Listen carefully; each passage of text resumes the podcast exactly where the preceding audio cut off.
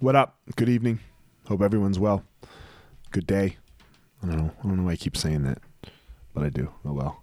Uh, man, I don't know what the topic of this is. I don't know. I don't know what I'll call this or what we're calling this rant or talk, whatever it is, right today.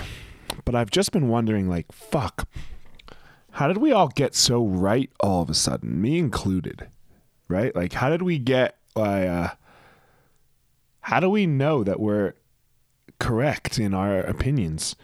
And we, how did, why, why are we so hooked on them? What happened to us? And, and what's going to get us off of it? Like, these are, I've been asking myself this a lot lately because like eh, you know with like with coronavirus who are you an epidemiologist are, are you are you a doctor can you can you understand statistics and what what doctors are you know like when when we get on the internet and, and we read these reports and we think we know what they're saying uh i i mean i know i can't uh I, I guess there's only one thing that I know that I two a couple things that I know that I can do. I can teach jujitsu. I can do jujitsu pretty well. So I can do those two things.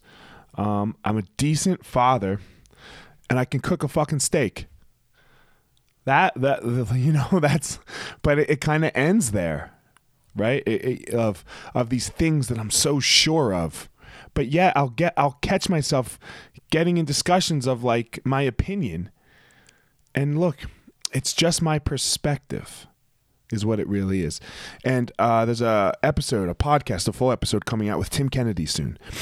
And man, he said something so fucking cool because you just don't hear it that much. What he said was, he's like, look, I have a lens that I look at the world through.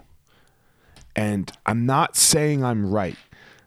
And I, and I don't know that I'm right, but it is my lens and I would really like to broaden my lens sometimes. And I think we all need I've been I think we all need a little more of that. Right? Like you you can't tell me any of us know what's right because we watch the news. And you can't tell me that any of us can actually read those reports and understand what they say. A couple of us can, right?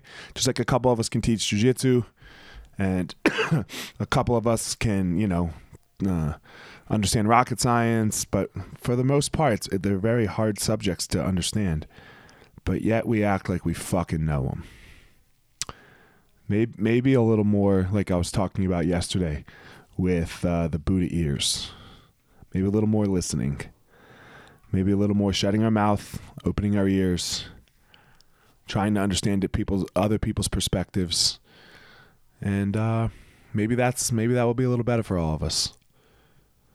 I hope so. Find your power.